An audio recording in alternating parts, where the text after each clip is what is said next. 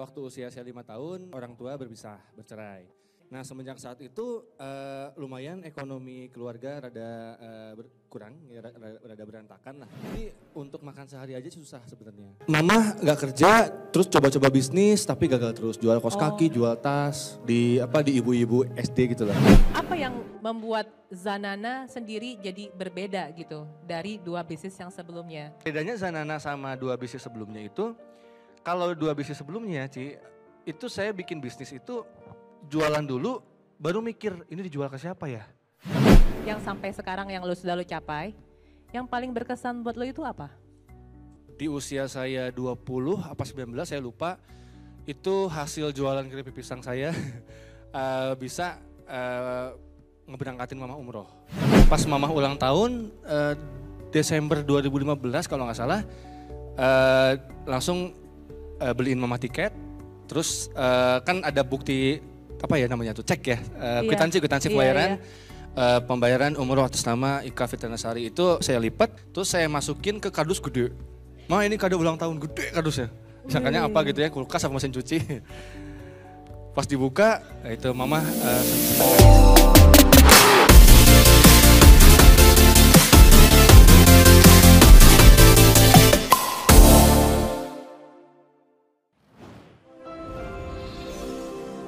Video ini dipersembahkan oleh 101red.com. Jualan online tanpa ribet. Halo semua, kembali lagi jumpa di channelnya Kristinali. Nah, kali ini gue ditemenin oleh Gazan Aska Gavara. Ini adalah CEO dan founder dari Zanana Chips.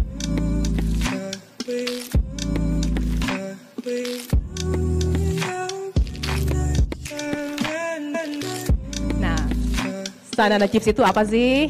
Kita simak berikut ini.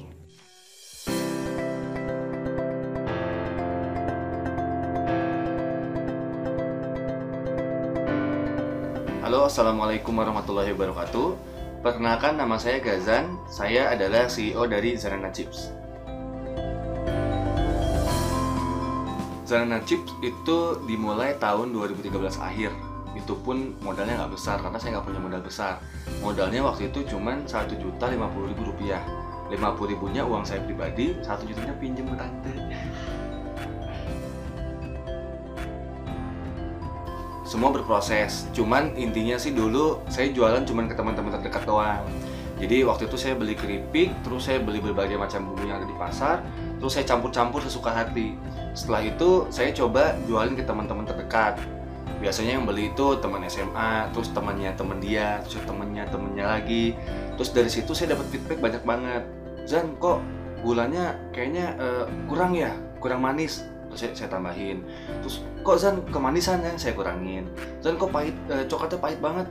Saya saya tambahin susunya. Jadi intinya uh, dulu saya mulai uh, secara sederhana dijual ke teman-teman terdekat dan itu pun belum ada mereknya belum ada kemasannya belum ada apa-apa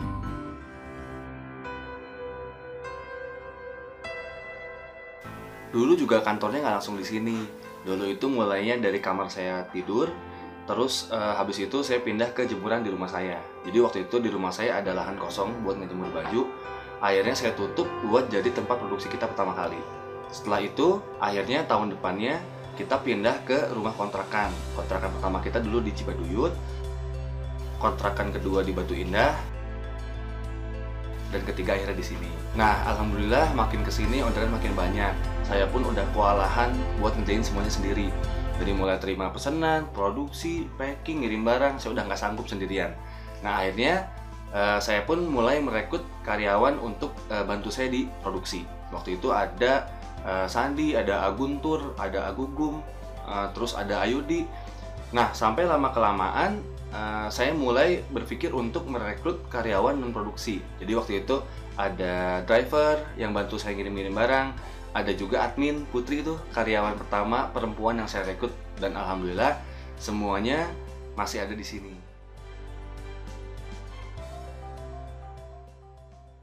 Kenalin nih, Vespa yang saya naikin namanya si Soleh. Kalau naik Vespa itu mengingatkan saya zaman dulu waktu awal berkarir di dunia usaha. Demi kemajuan pribadi dan bisnis, saya rela menjual Vespa satu-satunya kesayangan saya. Alhamdulillah, sekarang punya Vespa lagi hasil dari jual keripik. Walaupun cuma Vespa jadul, mudah-mudahan kendaraan ini jadi kendaraan yang barokah. Amin.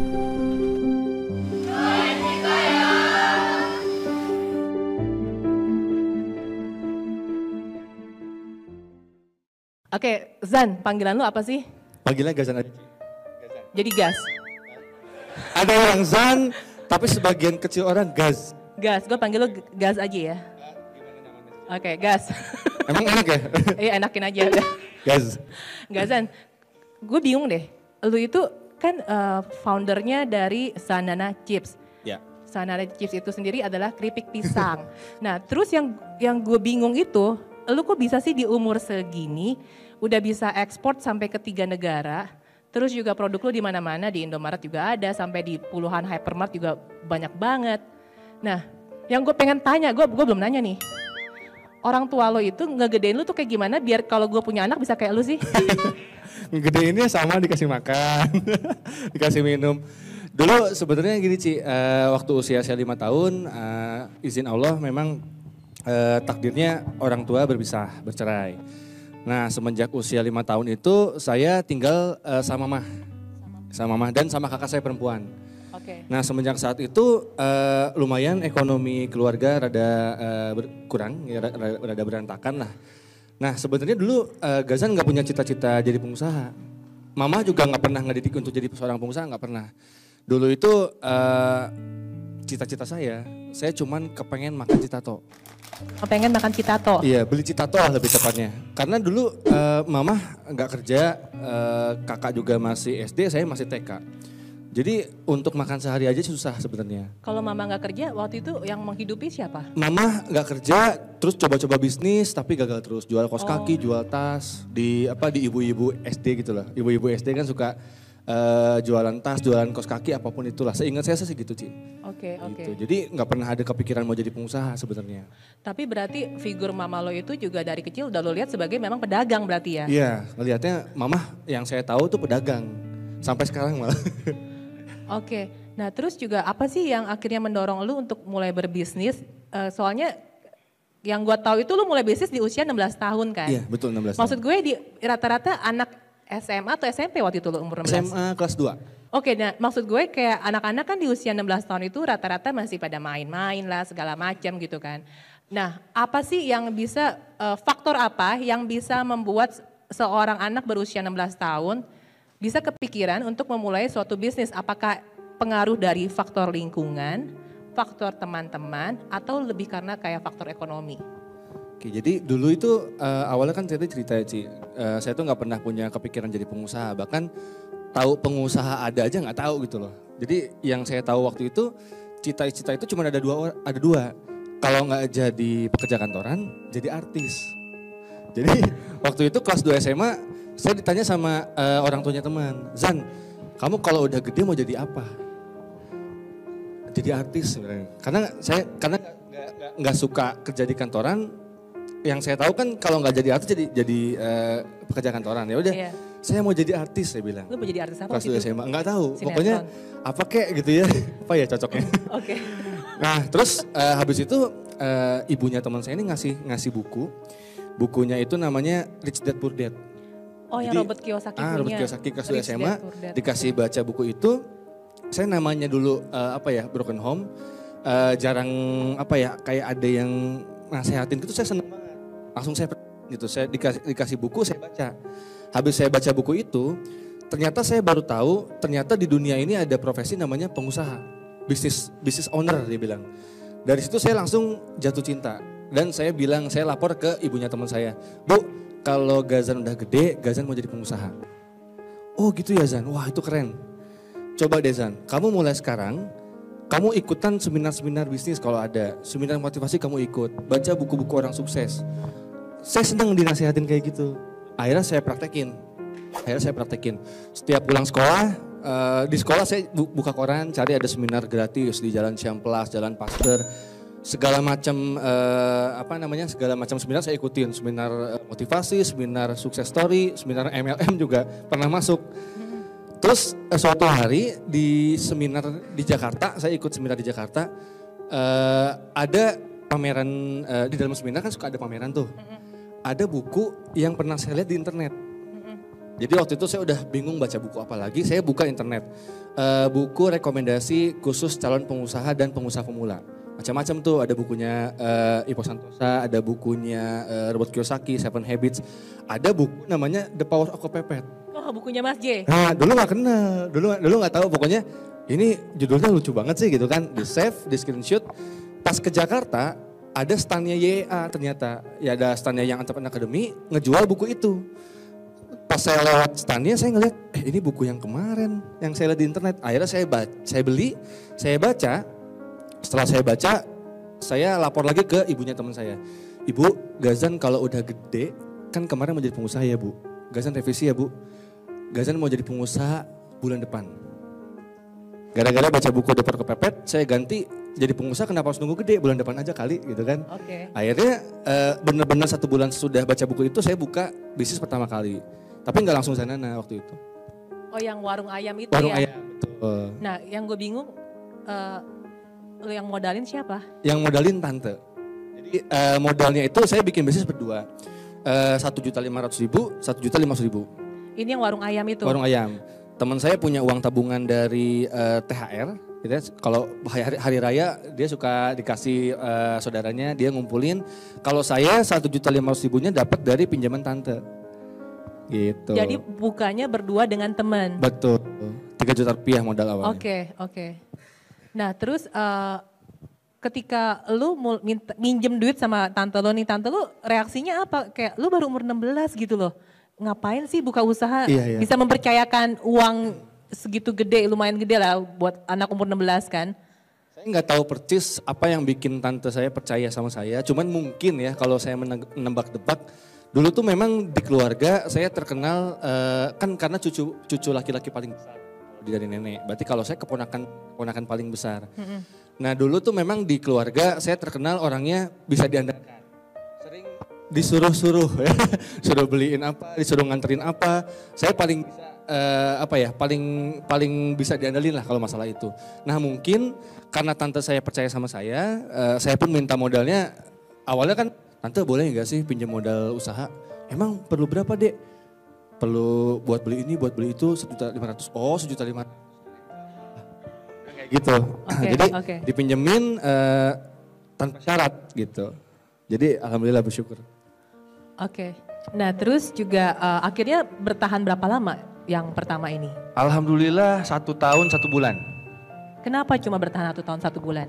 Eh, secara umum pastinya karena kita kurang ilmu. Tapi kalau lebih teknisnya itu eh, saya jualan di tempat yang sepi banget, sepi. Jadi eh, waktu pertama kali jualan ayam tulang lunak itu empat bulan pertama rame. Karena saya ngundang teman-teman, teman SD, teman SMP, teman SMA, teman komunitas saya undangin gitu ya. Terus di bulan kelima saya bingung siapa lagi yang saya undang, udah kehabisan teman gitu kan. Yang kemarin datang nggak balik lagi dan saya nggak ngerti kenapa yang saya tahu itu memang malam-malam tempat saya jualan sepi banget. Yang lewat aja jarang. Apalagi yang mau beli gitu kan, yang lewat aja nggak ada, apalagi ada yang mau mampir. Jadi di bulan kelima sampai bulan ke-13 itu saya nombokin uang buat gaji karyawan waktu itu. Jadi kan masih kelas 2 SMA, masih dikasih uang sama mamah tuh 15 ribu. 5 ribunya saya, saya pakai bensin, 10 ribunya saya simpen. Untuk di akhir bulan saya tutupin gaji karyawan. Itu berlangsung dari bulan kelima sampai bulan ke-13. Dan itu saya nggak kuat gitu kan. Akhirnya di bulan ke-13, duh gimana ya, tutup aja yuk. Oke, terus eh, dari eh, pasti kan dari setiap bisnis itu walaupun lu gagal, yang mahal itu adalah pengalaman, ya nggak sih? Iya betul sih. Nah, eh, pengalaman apa yang bisa lo eh, lihat dari buka bisnis warung gitu, gitu loh maksud gue? Yang lo pelajari apa gitu?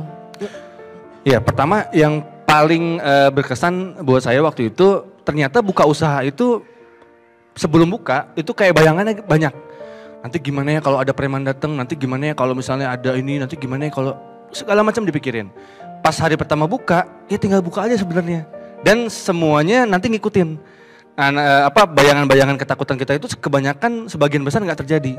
Nggak ada preman tuh, nggak ada apa tuh, nggak nggak nggak apa ya.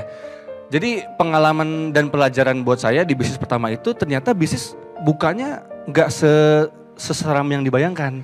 Buka ya tinggal buka aja sebenarnya. Terus eh, mengenai lokasi, Dulu itu saya cari lokasi usaha, itu carinya yang murah, nggak cari yang bagus. Jadi eh, kalau ada yang murah, ada nggak yang lebih murah? Ada nggak yang murah? Ada yang gratis. Padahal kalau misalnya ada tempat disewakan satu bulannya 20 juta misalnya, tapi kalau bisa kembali banyak, kenapa enggak gitu loh? Saya lebih milih waktu itu cari yang murah aja lah lokasi gitu kan. Itu sih Ci. Jadi lokasi yang jadi eh, sumber eh, masalah utama bisnis ini nggak jalan. Terus juga mungkin eh, kenapa teman-teman lo yang udah pernah makan di situ nggak balik? Apa karena faktor lokasi? Apa faktor makanan lo kurang enak? Apa gimana? Iya waktu itu tuh saya nggak ngerti apa-apa Ci. Ngertinya kan cuma dapur kepepet. Buka terus jualan. Dulu waktu waktu itu saya nggak ngerti apa produk, price, place, eh, promotion. Pokoknya kalau sepi promosi, kalau sepi promosi. Promosinya macam-macam dulu. Eh, setiap hari apa gratis minum, terus dibikin voucher 10 kali makan di situ eh, di apa di sebelahnya gratis. Segala macam dilakuin tapi nggak ngaruh. Di Twitter juga ngiklan-ngiklan nggak ngaruh. Jadi eh, kemungkinan orang-orang yang datang dari 10 orang mungkin cuma tiga atau empat orang yang suka sama produknya. Tapi saya baru baru sadar itu setelah setelah setahun dua tahun kemudian gitu loh Oke, terus bisnis kedua setelah itu adalah bisnis kedua setelah itu tiga bulan setelah bangkrut eh, jualan risoles modalnya dari tante lagi. modalnya dari guru eh, BK yang suka razia rambut saya dulu Yang suka apa? Raz- Razia. rambut. Jadi dulu kan rambut saya gondrong kayak John Lennon karena saya suka The Beatles sih. Oke. Jadi dulu SMA itu kejar-kejaran sama guru eh, dicukur. Nah waktu itu lagi jalan ngelewatin ruang guru itu dipanggil, Zan Zan dipanggil Zan. Waduh, dirazia ini mah gitu kan. Pas masuk ke ruangan guru ternyata enggak. Zan, dengar-dengar kamu bisnis ya? Ah iya pak. Mau nggak eh, kerja sama sama bapak? Bapak modalin nih, bapak ada ini. Kamu ada rencana apa? Saya belum ada rencana sih pak. Tapi boleh pak, langsung kan waktu itu. Terima uangnya eh, dikasih modal 2 juta rupiah sama Pak Bedi namanya. Terus habis itu saya mikir apa ya kira-kira bisnis 2 juta. Terus punya temen jago bikin risoles, ya udah bikin risoles. 2 juta itu beli gerobak bekas, terus beli kompor, beli eh, sebagian peralatan masih masih ada bekas ayam. Jadi 2 juta masih sisa. Buka risoles di gerobak gitu. Terus Terus bertahan satu setengah bulan. Tutup tiga, 45 hari kemudian. kenapa gagal lagi? Nah kalau yang ini, saya udah punya tiga cabang waktu itu. Dalam 45 hari. Nah itu kesalahannya, terlalu cepat buka cabang. Terlalu cepat scale up ya? Nah, jadi yang satu belum benar, ngelihat ada tulisan atau ada lapak kosong gatel. Ih ini ada tempat kosong, ngumpung kosong, kapan lagi? Akhirnya sewa buka cabang. Terus lagi jalan-jalan ke mana, ih ini kosong, disewakan. Terus harganya masuk, gatel buka, langsung buka. Jadi yang satu aja belum benar, eh, apa belum ada sistem segala macam, udah buka cabang kedua, buka cabang ketiga. Jadi kalau kalau di eh, lima tangga bisnis tuh di formula keempat multiplying itu kan me- menggandakan atau eh, menduplikat kesuksesan.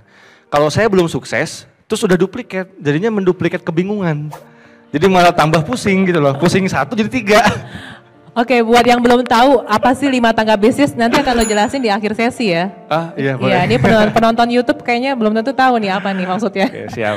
Oke, nah eh, terus akhirnya dari situ semua, apa yang membuat Zanana sendiri jadi berbeda gitu dari dua bisnis yang sebelumnya? Wah iya. Apakah dari sejak ketika lo tutup yang Risoles ini, Risoles langsung buka Zanana, atau mungkin lo udah lebih banyak belajar belajar lagi atau segala macam gitu?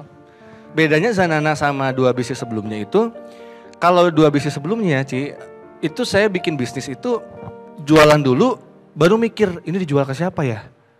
Nah kalau Zanana, waktu itu saya udah tahu ada celah ada celah pasar, baru saya bikinin produknya. Jadi kalau dua bisnis sebelumnya saya bikin dulu produk, baru saya mikir ini jual ke siapa ya. Kalau di Zanana itu saya ngelihat ada orang yang nyari keripik pisang, saya bikinin keripik pisangnya. Jadi udah tahu mau jual ke siapa. Lu tahu dari mana ada orang yang nyari keripik pisang? Awalnya eh, keinginan pribadi. Awalnya tuh eh, saya suka banget sama keripik pisang Lampung. Terus waktu itu lagi ngelamun, pengen makan keripik pisang Lampung, tapi di Bandung gak ada yang jual. Terus saya mikir, eh jangan-jangan yang nyari ini bukan cuma saya. Jangan-jangan teman-teman saya juga nyari. Ini masih jangan-jangan. Akhirnya saya survei ke teman-teman terdekat, teman-teman SMA waktu itu saya tanya, eh kamu pernah coba keripik pisang Lampung belum? Pernah Zan, pernah Zan. Suka nggak? Eh suka banget. Kamu mau beli lagi di Bandung tapi nggak tahu di mana ya? Iya Zan, masa harus ke Lampung dulu?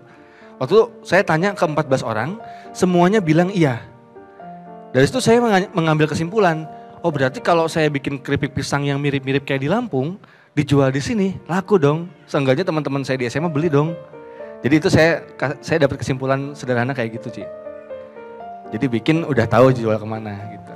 Terus akhirnya yang gue sempet nonton sih perjalanan Sanana Chips juga kalian tadi juga udah lihat cuplikannya kan. Jadi gazan sendiri itu sampai ngeracik sendiri. Iya betul. Terus akhirnya juga yang bikin berbeda adalah lu melakukan riset ya kan? Ya. Riset terus eh, ya lu jelasin deh step-stepnya. Iya jadi waktu itu pas udah tahu eh, ada orang yang nyari, wah eh, saya waktu itu nggak ngitung seberapa banyak sih yang yang nyarinya. Tapi setidaknya di teman-teman SMA saya aja banyak gitu ya, puluhan ratusan mah ada lah gitu ya. Nah setelah saya nemu eh, pasarnya, saya siapin produknya yang kira-kira mereka akan suka. Itu namanya uji ngangenin.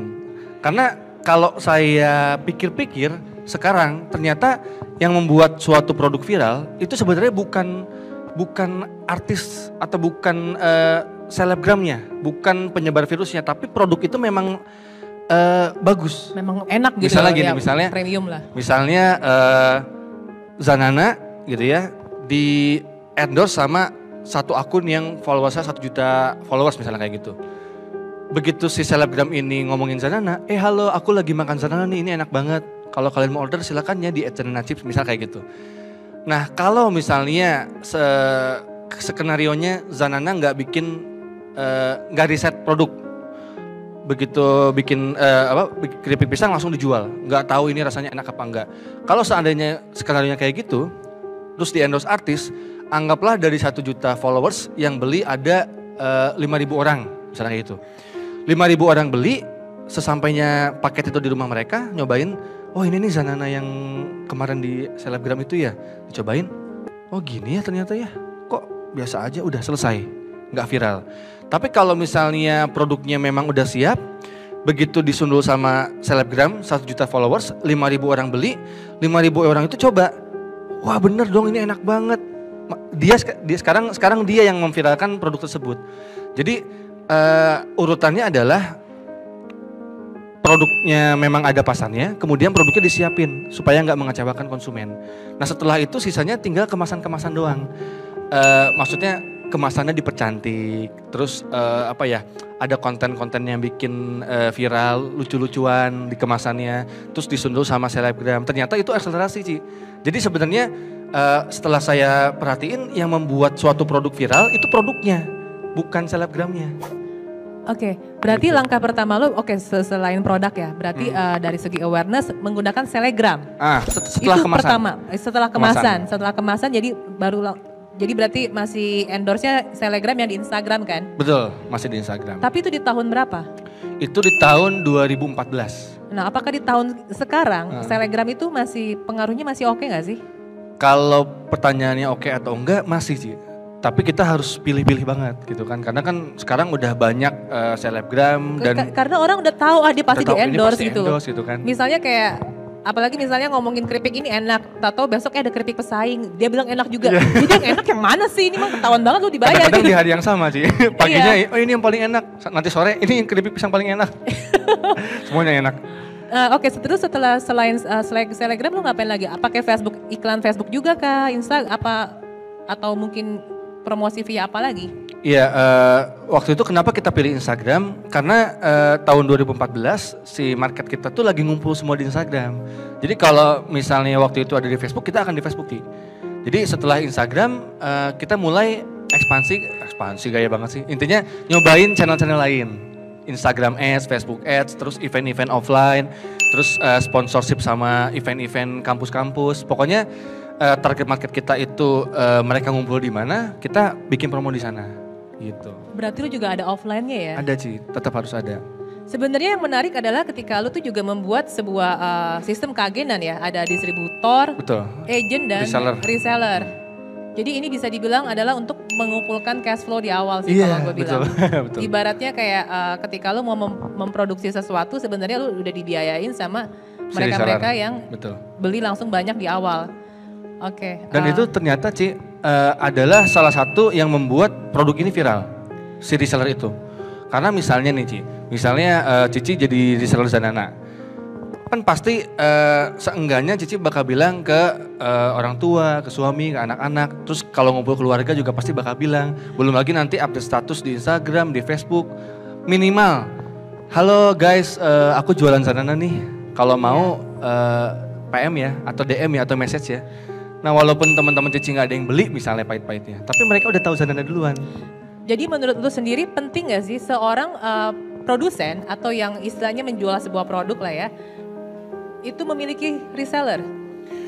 Tergantung arahnya ke mana sih Ci. Cuman untuk eh, teman-teman UKM yang baru mulai, eh, terus produknya juga memang bisa dikirim-kirim, harusnya sih pakai reseller dan dropshipper. Setidaknya di awal, setidaknya di awal. Jadi karena reseller dan dropshipper itu bukan hanya sekedar eh, channel distribusi kita, tapi seperti yang tadi saya bilang bisa untuk bantuin promosi.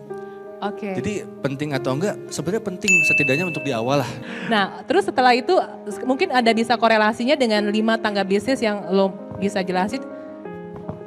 Kalau eh, di lima tangga bisnis itu sebenarnya gini, kan kalau di lima tangga bisnis teman-teman nanti bisa lihat di formulabisnis.id ya, Wih, keren ya, kan? nah nanti di lima tangga bisnis itu eh, teman-teman akan melihat ada eh, kalau seorang pengusaha atau sebuah bisnis itu dilihat dari sudut eh, apa ya garis besar itu melewati lima tangga. Ada tangga starting atau tangga memulai, profiting, systemizing, multiplying sama investing. Nah, gunanya kita mengerti ini itu kita tahu kita ada di tangga keberapa dan kalau kita tahu kita ada di tangga keberapa kita bisa fokus hal-hal yang penting aja di sana contoh waktu Zanana pertama kali eh, buka itu saya nggak ada packaging nggak ada namanya endorse artis nggak ada namanya ngurusin eh, sosial media branding nggak ada. Karena di tahap starting itu mikirnya gimana caranya orang bisa coba banyak ya banyak orang bisa coba dan saya bisa makan besok. Survive. Jadi waktu Zanana pertama kali muncul, kemasannya kemasan plastik bening, dijualnya 10 ribuan, ke teman-teman terdekat, saya yang nganter, sesimpel itu. Dijual eh, dari apa? Kalau sekarang mungkin WhatsApp, kalau dulu Bla- BlackBerry Messenger. Bikin status, ada teman beli satu, saya anterin. Pokoknya gimana caranya orang bisa beli, saya bisa makan besok. Survive yang penting. Itu di tangga pertama. Nah, begitu orang-orang udah suka, udah mulai banyak eh, yang order, udah mulai kewalahan, mulai ngerekrut satu orang karyawan, naik ke tangga profiting. Begitu kita punya satu orang karyawan, setidaknya kesibukan-kesibukan kita setiap hari kan mulai berkurang. Yang biasanya belanja bahan baku sendiri, produksi sendiri, cari orderan sendiri, packing sendiri, ngirim barang sendiri. Nah, pas punya satu orang karyawan, sebagian besar atau sebagian kecil ya eh, kerjaan udah bisa didelegasiin. Nah, karena pekerjaan udah bisa didelegasiin, kita punya waktu luang untuk mikirin strategi atau setidaknya mikirin nanti ini packagingnya gimana ya. Nanti eh, mau bikin sosial media udah ada waktu, mau bikin eh, promo udah ada waktu. Jadi itu di tangga kedua baru kita mulai dan seterusnya dan seterusnya. Itu sih yang saya praktekin di awal Zanana. Tangga ketiganya apa? Tangga ketiga systemizing. Oh, systemizing. Itu kalau misalnya bisnis kita udah terbukti berhasil, eh, bisnis kan ada empat yang harus kita selesaiin Ci. Ada eh, marketing, ada finance, operasional, sama SDM. Nah di tangga di tangga ketiga, di tangga systemizing, itu kita mensistemasikan empat hal yang sudah terbukti berhasil. Setelah terbukti berhasil, kita dokumentasikan, kita bikin sistem, baru di tangga keempat kita tes dengan cara multiply. Mungkin buka cabang, buka pabrik di kota yang lain, atau buka eh, toko di tempat lain. Tapi itu di tangga keempat. Nah tadi di Soles, starting langsung multiplying. Oke. Jadi langsung naik, nah itu yang bikin berantakan. Lalu yang tangga kelima yang terakhir? yang tangga kelima terakhir itu investing. Tahap menduplikasi atau menggandakan manfaat. Nah, di sana eh, kita berbicara investasi, kita belajar eh, mindset seorang investor seperti apa, terus bisnis yang berkah, bisnis eh, yang yang layak untuk diinvestasi seperti apa. Maksudnya investasi itu gimana kan dari Zanana lu invest ke bisnis orang lain atau gimana? Sebenarnya eh, bisa jadi iya, bisa jadi di, di bisnis sendiri. Misalnya gini, investing itu kan eh, kita bisa dalam artian eh, di tangga kelima ini, Ci. Ini eh, asumsinya kita punya uang berlebih. Ah, bisnis yang kita mulai dari awal itu sudah punya banyak surplus uangnya. Nah, sehingga uang ini harus kita distribusikan. bisa dengan cara investasi ke bisnis teman-teman atau mungkin kita eh, investasi ke eh, bisnis kita yang nanti misalnya ada eh, karyawan kita yang udah kerja 10 tahun. Kita Oke. bantu dia bikin bisnis. Oh. Yang nanti bisnis itu ada hubungan sama hulu hilirnya kita. Misalnya Zanana eh, kita bantuin temen bikin bisnis atau bantuin karyawan bikin eh, perkebunan pisang. Nanti kita invest buat dia. Nanti pisangnya supply ke Zanana kayak gitu misalnya. Nah, pertanyaan selanjutnya. Eh, sekarang gini, lu tahu sendiri kan, bu- di budaya di bisnis itu adalah ikut-ikutan. Ya, Gak usah ngomong di Indonesia lah, di ya seluruh dunia sih seluruh kayaknya. dunia ya. Seperti contohnya kayak dulu ada yogurt masuk ke Indo, rame banget, terus nggak lama yogurt-yogurt berjamuran kan. Nah, sekarang lu sendiri kan juga bisa dibilang eh, orang pasti ngeliat, ih Zanana nih, kemasannya cakep, harganya bisa dijual segitu gitu kan. Terus ada yang ngikutin, ngikutin sama persis. Ya rasa mungkin nggak bisa diikutin sama persis, tapi sama-sama enak. Katakan gue yang bikin nih, namanya Sanana juga, tapi depannya S, bukan pakai Z Cinana. atau atau Cinana gitu. Kayak gitu kan. Nah, eh, ibaratnya banyak karena banyak sekali pengusaha UKM juga yang kayak kesel gitu kan kayak ih ini orang plagiat banget produk gue cuma dirubah dikit apanya lah segala macam. Lu sendiri kiat-kiatnya gimana? Karena ketika lu soalnya lu agak-agak klise sih kalau gue bilang ya kita berinovasi terus gitu kan. Ketika kita berinovasi, kita tes pasar segala macam, ya yang ngekor-ngekor kita eh udah dites pasar nih sama si Gazan, eh laku, bikin lagi ngikutin. Menurut lu gimana? Kalau saya memandang itu sebenarnya Ci, eh, kalau itu udah kejadian sih Ci. Jadi banyak banget ada Zanana, Wanana, Pinana, banyak banyak Serius? banget. Ah, udah. Ada Janana juga ada. Dan kemasannya juga mirip-mirip. Oke. Eh, satu ya eh, pertama memang apa ya biasanya dapat laporan dari teman misalnya ngelaporin Zan ini ada yang mirip oh ya udah gitu kan karena eh, pertama yang kita lihat eh, kebanyakan dari mereka nggak serius jadi nggak nggak seserius kita pertama itu oh ini mereka nggak apa-apa lah gitu kan. Eh, toh mereka juga mungkin baru pertama kali mulai usaha. Jadi kita jadi inspirasi mereka bisa memulai gitu kan. Mungkin mereka bingung bisnis apa ya udah deh ikutin Zanana aja. Setidaknya mereka jadi bisa ngelangkah. Kedua eh, tadi yang saya lihat ini mereka masih eh, belum serius. Kalaupun serius ya udah sih gitu loh. Buat saya ini juga saya dapat pelajaran dari Om Jaya. Jadi kompetitor itu kenapa sih harus kita matiin Kenapa kita harus matiin kompetitor? Kalau ternyata kompetitor itu sama-sama nyari rezeki halal misalnya gitu, sama-sama mau ngasih makan eh, anak istrinya, mau ngasih makan karyawannya, dan ternyata si ownernya ini juga orangnya dermawan. Kalau kalau dia nggak ngerugiin kita, sebenarnya nggak ngerugiin kok, cuman mereka ngejiplak. Sebenarnya kita nggak rugi karena rezekinya sanana rezeki sanana, mereka pun punya rezekinya masing-masing.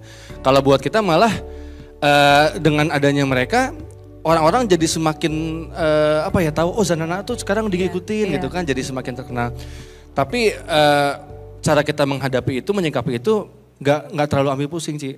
Kita malah ya senang-senang aja apalagi kalau ternyata eh, orang-orangnya juga eh, muridnya Om Jaya juga misalnya kayak gitu atau eh, orang-orang itu juga bukan orang-orang yang eh, jahat gitu ya, bukan kapitalis-kapitalis gitu bukan. Oke, eh, mungkin juga eh, banyak yang ingin tahu ya gimana sih caranya lu tuh bisa sampai akhirnya ekspor.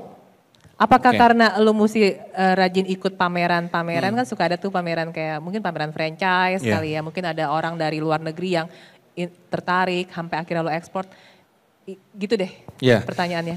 Eh, sebenarnya kita tuh sampai detik ini nggak memfokuskan eh, ke ekspor sama sekali. Jadi kita tuh Indonesia aja belum beres. Maksudnya kita orang aja sampai sekarang masih ada yang nanya, Zanana beli di mana sih? Iya sih emang susah gitu ya. Itu aja belum beres. Jadi kita sebenarnya nggak ngurusin eh, luar negeri. Tapi kalau ada orang datang email, datang ke kantor, kita layanin. Jadi kalau memang ada yang minat, kita kita terima. Cuman kita nggak pernah hunting. Walaupun kita punya cita-cita sih sebenarnya pengen pengen juga eh, mendunia gitu. Cuman eh, kita belum ada di fase itu sebenarnya. Kita masih ada di fase Indonesia orang dari sana gampang. Tapi eh, seiring waktu berjalan eh, banyak email-email masuk. Halo, eh, pakai bahasa Inggris gitu ya. Halo saya eh, dari sini dari dari Brunei, dari Jepang, dari Korea. Kemarin saya lagi ke Bali, kemarin saya lagi ke Jakarta. Saya nemu produk Anda enak banget. Saya bawa dan kurang. Bisa nggak eh, saya bawa ke tempat saya? Bisa nggak saya jadi distributor? Semuanya seperti itu, Ci. Oke, kalau begitu pertanyaannya bagaimana cara lu bisa mendistribusikan offline?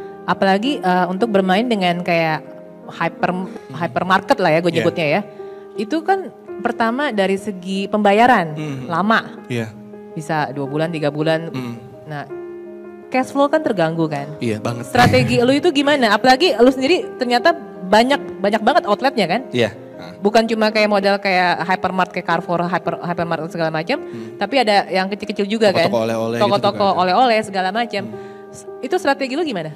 Dan gimana juga cara orang yang ingin memasukkan produknya ke channel-channel tersebut mesti kenal sama siapa, ketemu siapa gitu loh. Oke, kalau mau versi susahnya, versi manual gitu ya, eh, supaya bisa masuk ke toko-toko, datengin satu-satu. Halo, saya produk bawa proposal, bawa produk, kasih tester, dan nunggu mungkin sebulan kemudian baru diproses. Itu kalau manual. Jadi gimana caranya bisa masuk ke suatu toko? Masuk aja gitu loh. Orang kadang-kadang gimana sih cara masuk ke Mart ini, Mart ini udah pernah masuk belum? Belum. Ya masuk dulu gitu kan. Ke Indomaret deh. Misalnya kayak gitu masuk ke Indomaret, datang ke, ke Indomaret, misalnya ya, misalnya saking kita nggak ngertinya, datang ke Indomaret pinggir jalan aja. Mbak, saya masukin produk loh, kan kita cuman cabang. Kalau mau ke pusat, oh ke pusat ya. Pusatnya di mana? Di situ dapat informasi pusat. Datang ke pusat, tanya aja ke security, Pak saya masukin produk ke siapa, ketemu siapa. Sebenarnya itu versi manual gitu ya, tanya aja datang. Nah kalau yang kita lakuin setelah kita melakukan itu, kan kita evaluasi, kok capek ya. Satu-satu ngetok-ngetok gitu kan, satu-satu. Terus udah gitu udah masuk, eh, pembayarannya ditunda-tunda gitu kan. Aduh susah banget sih, oh, apa besok mau bayar THR belum dibayar sama mereka. Nah akhirnya kita bikin strategi, kita ajak kerjasama eh, trader atau orang-orang yang memang punya eh, uang nganggur gitu ya, uang apa ya? Ada yang mereka memang pedagang, ada yang mereka cuma punya dana. Jadi eh, kurang lebih mereka nalangin kita Ci. Jadi eh, kalau ada PO dari supermarket misalnya sekian miliar misalnya kayak gitu. Ya kita harus produksi dulu, terus kirim ke mereka tiga bulan baru dapat. Kalau gitu saya cari ini deh distributor yang mau bayar ke kita cash, kita berbagi margin, tapi eh, saya tahu cashnya aja, gitu loh. Gue nggak ngerti yang maksudnya cari distributor gimana. Tunggu bentar, ulang lagi. Jadi misalnya ada kayak contohnya eh, Ada order nih. misalnya. salah satu hypermarket nih, hypermarket order misal 3M, Nah misalnya 3M, 3M itu kan gede kan. gede banget. Nah terus lu, lu sendiri dari dari skala produksi Hmm. berarti kan lu juga mesti modal dong. Betul. Lu ada beli Ah, mesin-mesin harus baru, dulu gitu kan. apa segala macam. Nah terus tiba-tiba lu nyari distributor, maksudnya distributor apa ya? Distributor ini eh, mungkin lebih tepatnya j- jangan distributor ya, kalau mau umum eh, dana talangan. Cuman dana talangan ini ada yang eh, dia juga ternyata distributor. Jadi bukan cuma dapat uang, tapi juga dia punya jaringan. Distributor apa sih distributor ini? Distributor eh, consumer good. oh, kayak snack-snack oke. atau eh, distributor minuman-minuman Oke. botol. Jadi dia eh, misalnya gini Ci, saya datang ke distributor, eh, Mas, saya punya produk Zanana. Saya ada orderan dari supermarket ini, tapi saya nggak punya uang. Gitu aja bilang, "Eh, nggak, saya nggak punya dana untuk nalangin. Bisa nggak Mas eh, kita partneran? Jadi Mas beli ke saya cash, Ngerti ngerti. Ngerti ya? Iya. eh, Dia beli ke kita cash, kita dapat uang cash, dapat dia masukin ke supermarket, dapat uang tiga bulan kemudian, tapi dia punya uang banyak. Oke. Gitu dia punya uang cash flow, dia kuat buat nutupin itu gitu loh. Oke. Itu yang kita lakuin sampai sekarang sih. Jadi kadang-kadang lagi ke Bali, eh ada sanana di sini, eh ada sanana di sini. Itu yang masukin bukan kita lagi sekarang. Yang masukin adalah distributor-distributor sanana. Jadi kayak kayak misalnya gue distributornya nih, ya udah Hmm. deh gue bayarin dulu, cumanya nanti kalau dia bayar lo 3M, gue bagi dikit ya gitu kita, ya kayak. eh, apa Bagi konsekuensinya gitu. adalah kita berbagi margin. Oke gitu. oke keren banget ya. Nah Gazan, nah sekarang kan eh, di, di usia lu yang masih muda, iya kan? Ibaratnya 18, 18 tahun itu lu bikin Zanana. Iya. Nah tentunya saja kan eh, ketika lu udah mulai banyak berkembang segala macam, pasti kan ada aja yang ngajakin kerjasama, ya nggak? Iya, Nah pasti. tentunya apalagi kalau orang-orang dunia bisnis itu bisa dibilang lumayan buk- apa ya? Realita itu tidak seindah yang kita bayangkan lah, agak-agak kejam gitu loh. Misalnya katakan gue jahat nih, katakan gue jahat. Ih, baru umur 18 tahun, ah, masih naif lah. Masih naif, masih lugu lah. Bisa gua manfaatin nih. Ngerti nggak maksudnya sih? Iya iya kebayang Nah. kebayang. Strategi lu sendiri untuk menghadapi eh, orang ini kira-kira bisa diajakin kerjasama atau enggak itu gimana? Strateginya. Apalagi kan orang kan pasti ngeliat lu, ih masih naif lah, masih muda, gampang gue bego-begoin kayaknya nih. Iya iya. Dulu waktu usia 18 sebenarnya em, gak pernah ketemu yang eh, mau ajak kerjasama karena Zanana itu mulai ada yang ngajak kerjasama di tahun kedua usia saya 20. Tapi anggaplah sekarang juga saya masih 24, masih apa ya masih belum banyak pengalaman. Nah begitu ada orang yang mau ajak kerjasama, saya pasti eh, background check dengan cara yang paling gampang dulu internet. Nama dia di copy paste dulu ke Google gitu kan. Terus dia dia itu siapa, sepak terbangnya seperti apa, terus dia pernah berpartner sama siapa. Nah, kalau saya masih eh, apa ya? Saya masih ragu, tapi saya lebih sering ragunya sih. Nah, paling gampang dicek di komunitas di U-Business. Saya pasti nanya eh, sebelum ngecek di U-Business langsung nanya ke mentor saya dulu. Om Jaya ya langsung. Om, eh, ada yang mau ngajak kerjasama seperti ini, seperti ini, seperti ini. Eh, dia berpartner sama ini. Kemarin juga ada kejadian kayak gitu juga. Saya langsung eh, chat beliau. Om ada yang seperti ini. Gimana menurut Om? Gampang banget ya. iya enak ya kalau udah ada Enak ya. udah ada mentor ya dengan Mas Jaya. Nah eh, mungkin pertanyaan gue lebih ke arah kisah masa kecil lu kali ya. Maksud gue, lu kan dari kecil itu dari umur lima tahun udah tidak ada sosok figur seorang ayah gitu Iya. kan. Nah lu sendiri itu apakah itu yang membuat lu bisa menjadi sosok seperti ini gitu? Maksud gue, lu jadi kayak ingin menjadi sosok prianya di keluarga, apalagi kakak lu Iya. perempuan kan? Iya iya Ci.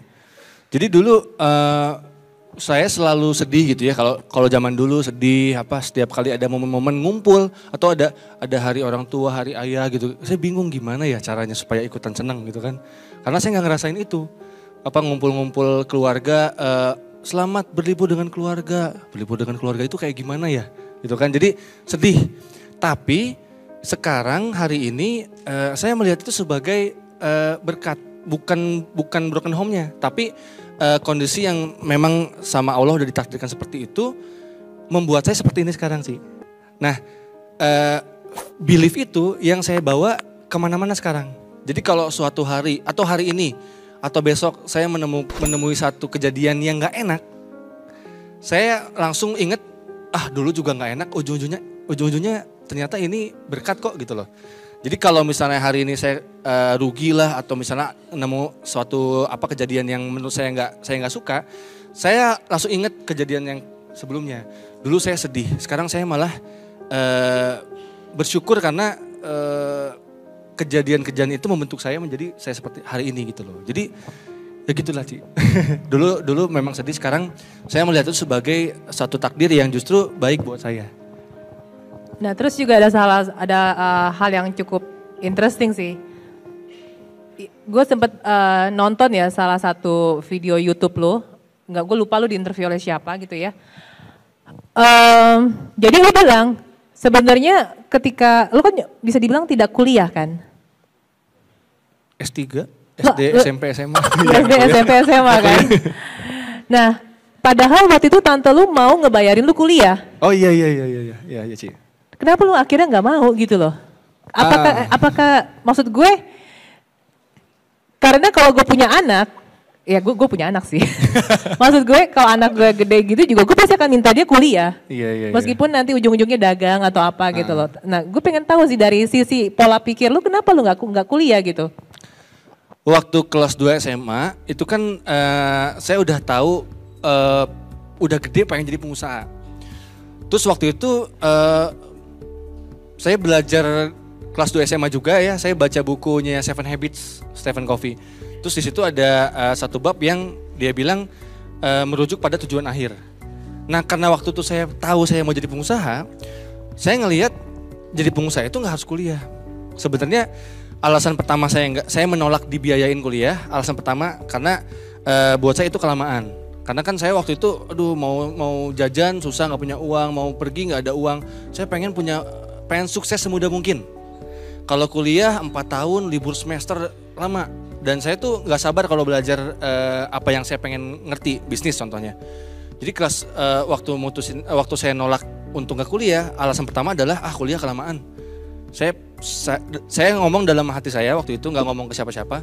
Saya janji eh, saya akan belajar lebih cepat dari tem- daripada teman-teman saya kuliah. Itu saya ngomong diri sendiri.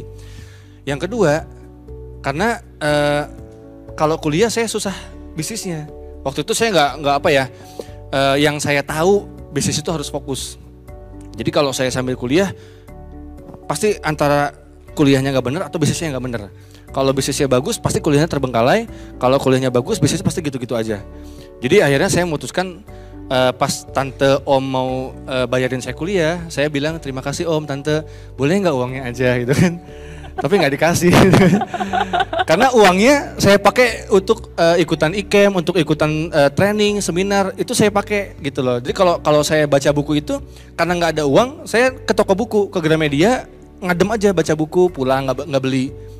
Jadi kalau ada punya uang, saya bisa beli buku, bisa ikutan seminar gitu. Jadi eh, saya nggak kuliah tuh bukan berarti males, justru saya pengen belajar cepat gitu. Nanti kalau lu punya anak, anak lu lu suruh kuliah nggak? Tergantung dia mau jadi apa. Oke. gitu. Ya, kalau dia mau jadi dokter nggak mungkin kamu belajar di YouTube aja jadi dokter. gampang kok sekarang jadi dokter bisa gampang YouTube aja. Tutorial oper- operasi. Do it yourself. Menjahit diri sendiri. Oke, Gazan. eh, dari semua kisah hidup lu ya, eh, mungkin ini pertanyaannya lebih ke apa sih hal yang paling lu sesalin? Yang yang paling lu sesalin yang mungkin kalau bisa lu putar waktu balik itu lu bisa rubah itu gitu loh. Gak ada sih. Gak ada yang saya sesalin sama sekali. Sama sekali nggak Sama ada. sekali yang udah lewat eh, paling nyesel sebentar sehari dua hari tapi oh ya udahlah ini kan udah kejadiannya udah udah Allah yang mentakdirkan pasti baik. Jadi kadang-kadang itu godaan doang sih. Aduh coba aja ya kemarin. coba aja ya tadi eh gitu kan. Tapi habis itu eh enggak enggak enggak. Jadi sama sekali nggak ada yang nyeselin. Bahkan udah lupa sih Ci. Yang dulu nggak enak nggak enak udah lupa. Oke, Oke, kalau gitu eh, dari semua pencapaian lo yang sampai sekarang yang lo sudah lo capai, yang paling berkesan buat lo itu apa? Mungkin ke keluarga, ke mama atau Oh iya iya. Em, yang yang paling eh, saya bersyukur banget itu eh, saya bisa jadi tulang punggung keluarga. Karena eh, apa ya nanggung hutang-hutang keluarga, adik-adik eh, ada kenikmatan tersendiri sih, bayar listrik gitu ya, bayar itu ada eh, buat saya sebenarnya bukan saya yang menjadi tulang punggung. Sebenarnya kan itu rezeki dari Allah sih. Cuman saya jadi jalan, saya seneng gitu loh. Sebenarnya kan kalaupun bukan saya pasti pasti Allah cukupin. Cuman saya dipilih untuk jadi jalannya eh, buat saya itu yang paling saya syukurin gitu. Nah terus apakah ada lagi pencapaian yang lain? Em, pencapaian yang saya masih syukurin banget sampai sekarang adalah di usia saya 20 apa 19 saya lupa itu hasil jualan keripik pisang saya eh, bisa eh, ngeberangkatin mama umroh. Jadi waktu itu mama pengen banget umroh gitu kan, terus spesifik lagi pengen sama AA Gim. Oh serius? apa umrohnya pengen travel AA Gim spesifik banget mama. Oke. Akhirnya kan mahal ya. Terus tapi waktu itu eh, eh, saya niatin gitu kan, saya kumpulin uang, eh, apa eh, disisihin uangnya, di, ditabung. Pas mama ulang tahun eh, Desember 2015 kalau nggak salah, eh, langsung eh, beliin mama tiket. Terus eh, kan ada bukti apa ya namanya tuh cek ya, Iya. kwitansi kwitansi Iya, pembayaran. iya. Eh, pembayaran umroh atas nama Ika Fitranasari itu eh, saya tilap-tilap gitu, saya lipat, terus saya masukin ke kardus gede. Ma ini kado ulang tahun gede kardusnya. Disangkanya apa gitu ya, kulkas sama mesin cuci. Pas dibuka, ya itu mama sen- seneng nangis gitu. Gue jadi nge, jadi merinding sih ngebayanginnya ya. Nyokap lu pasti bangga banget tuh sama lo ya sekarang ya. Mudah-mudahan. Iya. Em, Oke. Kira-kira untuk eh, Zanana sendiri, apa sih cita-cita yang masih belum tercapai sampai saat ini? Yang mungkin visi lu ke depannya itu apa? Em, Zanana masih banyak PR sampai sekarang sih. Jadi kalau misalnya ada teman-teman yang eh, mengeluh, aduh ba- banyak banget sih bisnis saya nih masalahnya ya sama. kalau nggak ada masalah mah enak ya udah Sebenarnya bisnis itu di tangga berapapun tadi Ci yang lima tangga bisnis sampai tangga kelima juga masih pusing. Pusingnya beda. Aduh ini uang dikemanain ya kan gitu. Kalau kita kan aduh nggak ada yang beli gitu kan. Sebenarnya semua bisnis pasti ada masalah sih. Jadi Zanana sekarang fokusnya masih menyelesaikan eh, PR-PR yang belum terselesaikan. Visi ke depannya kita eh, sebenarnya sih pengen menjadi kebanggaannya eh, Indonesia dan agama. Jadi kita pengen jadi aset bangsa dan agama dengan produk yang dicintai di seluruh dunia. Jadi produknya mendunia, tapi ini masih punya Indonesia. Gitu. Itu sih yang susah. Gila. Keren, keren, keren banget. Luar biasa banget ya. Nah, boleh nggak sih untuk kata penutup, lu bagi-bagi tips sukses menurut lu itu apa? Oke, jadi eh, saya tuh setiap kali ditanya eh, apa sih Zan eh, apa ya rahasia sukses, saya tuh susah sih ngejelasinnya apa. Karena eh, saya tuh nggak tahu persis apa yang sebenarnya bikin saya sukses.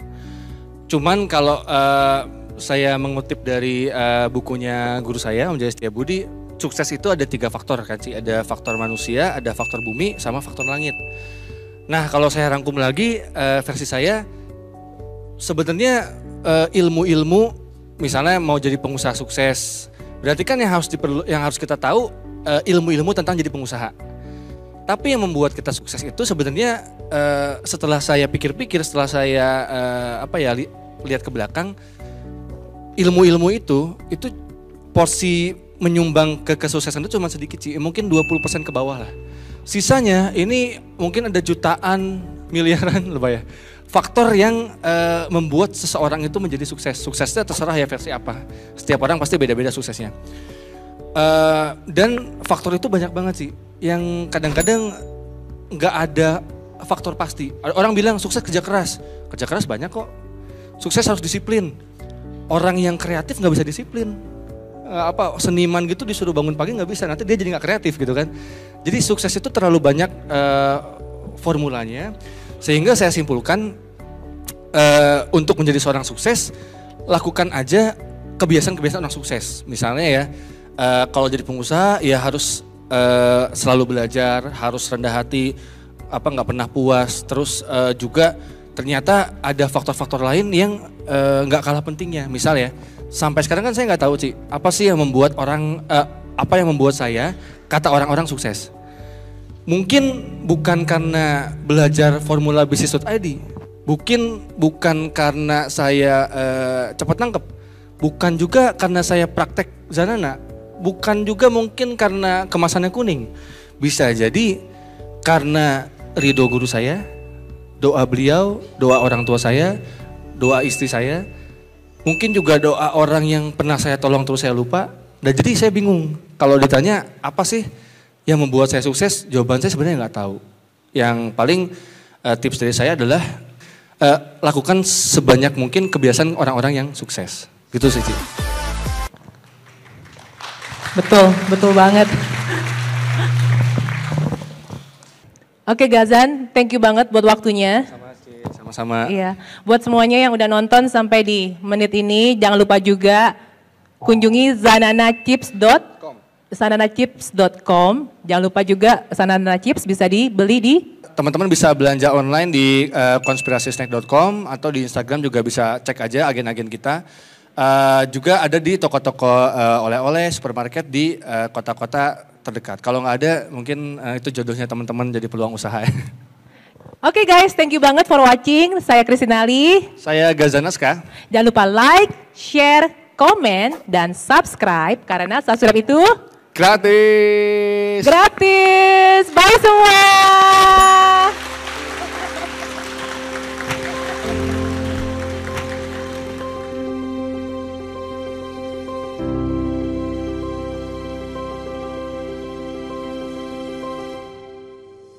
Tidaklah masalah berapa kali kita gagal.